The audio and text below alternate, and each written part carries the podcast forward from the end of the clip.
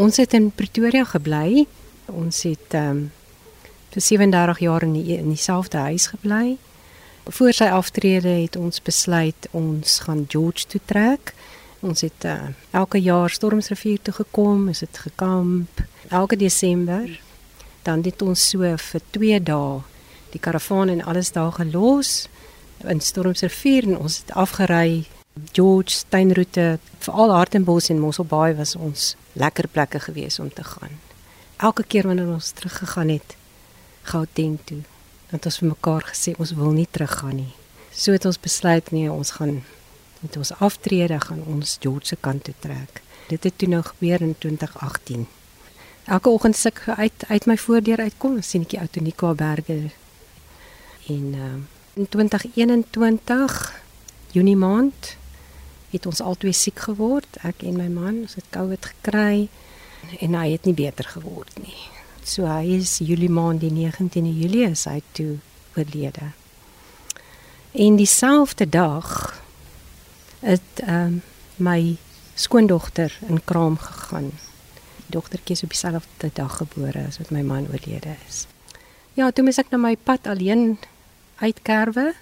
Ek het toe op daai stadium by Runwalk geloop Net voordat jy verder gaan daaroor Marita Niemann, ons gesels met haar want haar man Herman in 2021 is hy oorlede aan COVID en dit net nadat hulle van Pretoria wortels opgetrek het en dit in George gaan plant het. En die rede hoekom ons met haar praat is Marita het 'n groot stapper geword. Haar heling is om te stap. Goed, jy was by die run walk, seker soort gelyk aan die parkrun. Ja. Hulle loop ook net 5 km en um, ek het ook die parkrun gedoen toe verlede jaar 2022 Maart maand het ek een aand in 'n boek gelees as jy nie uitgaan om iets te gaan doen nie gaan niks na jou toe kom nie. En ek het uh, besluit ek gaan by 'n stapklub aansluit en ek het die mense gekontak en daai volgende oggend het ek by Bergendal stapklub in George het ek toe my eerste stap gedoen En ehm um, van toe af het dit stap my ding geword. So dit is my uh, my passie nou, net om te stap. Marita Niemann wat ernstig begin stap het na die afsterwe van haar man aan COVID en kon jy 'n verskil in jou emosies begin ervaar? Kon jy makliker jou maat se dood verwerk? Watse prosesse het in jou gees en in jou gedagtes begin afspeel of uitspeel.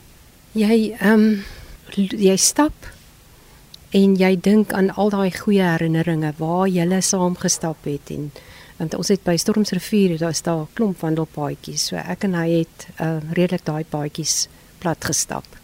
En om aan al daai goed te dink wat jy gele saam gedoen het is asof dit jou begin gesond maak. En nou moet jy die pad alleen stap, maar nou kan jy in die natuur wees en jy kan jou kop maar so skoon maak. Jy stap so 'n bietjie weg van jou hartseer ook af, seker.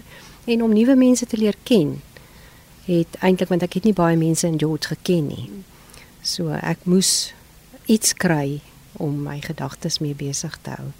Wat ek ook gedoen het is om te besluit om 'n pelgrimstog te doen. 2022 se November het ek pelgrimstog van hoop van Volmoed in die Wes-Kaap tot Kaapagalas geloop. Dit is 140 km en ehm um, dit is 'n 7 dae staptog. Dit het ek gedoen as 'n pelgrimstog vir my binneste ter herinnering aan my man Herman. Ehm um, jy moet goed verwerk wat nou met jou gebeur het. Dit is nou 'n trauma wat plaasgevind het en jy moet dit verwerk en net jy alleen kan dit doen. So uh, die pelgrimstog het my gehelp om vir 7 dae aan mekaar te stap met jou eie gedagtes. En dit is nie maklik om om elke dag is nie dieselfde afstand elke dag nie, maar as dit baie dae 25 km gestap, baie dae 26, ander dae 19, so om daai lang afstand elke dag te doen, het net 'n heling gebring. 'n rustigheid in jou. Daar's mense wat sê wat ook al so ver gestap het wat sê jy kan letterlik voel hoe verander jou gedagtes soos rattewisseling. Ja, jy is geneig om 'n bietjie te spring in jou gedagtes, maar ehm, 'n um, mens moet ook nie te veel terugspring in jou gedagtes nie. Jou pad vorentoe moet jy nou uitkerf alleen. Marita Newman van George wat die pelgrims staproete van hoop aangepak het en kon jy agterkom hoekom noem hulle die pelgrims staproete van hoop want dit is eintlik maar baie swaar kry. Ja, dit is swaar kry, maar ek dink hulle gee hom die naam pelgrimstog van hoop om vir jou hoop te gee vir jou vir waar wat jy gedink het hoekom jy dit wil stap.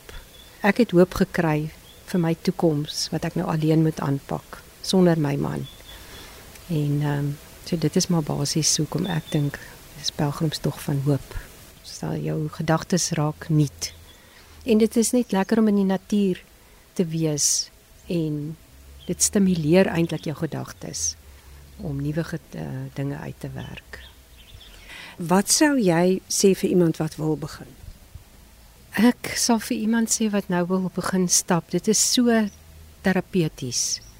Al het jy nie 'n trauma beleef nie, al het jy nie swaar gekry nie, net om in die berge te stap is net 'n ander atmosfeer.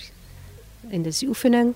Jy kan uh, enige dag kan jy in die natuur ingaan en jy kan net jouself, jou gedagtes net laat gaan. Nou gemiddeld hoeveel keer per week stap jy en dan wanneer doen jy langer staptogte of staptoere?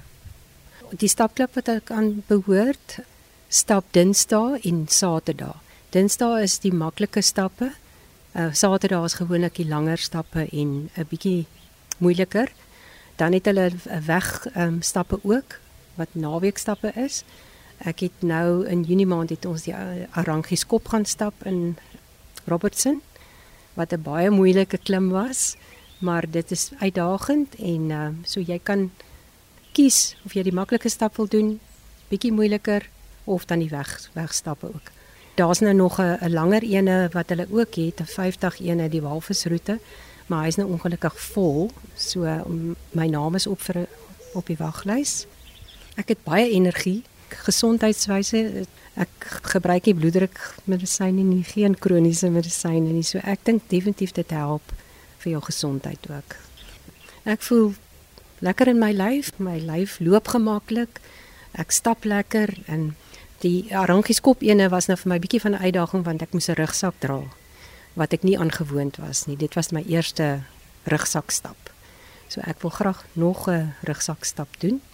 En dan sal ek nou beter reiswerk doen oor wat want my sak was bietjie swaar. Hoeveel kilogram? Ek het nie ons het nie geweeg. Almal het gevra het jy jou sak geweeg. Ek sê nee, ek het nie my sak geweeg nie. en dis 'n blykbare dom ding om te doen. Jy moet jou sak weeg. Ja. Nou Marita Niemann, jy is van George, jy is hier in die baai, dis hoekom ek jou nou hier in die in 'n hoek kon vaskeer vir 'n onderhoud. Ehm, um, maar hier het jy ook aan die stap geraak. So so jy kan nie eers 'n week sonder stap gaan. Nee, ek kan nie. As ons het nou ehm um, voor ek baie te gekom het, het die, die was die weer baie sleg in in George gewees en ek het regtig gevoel nee, nou kort iets.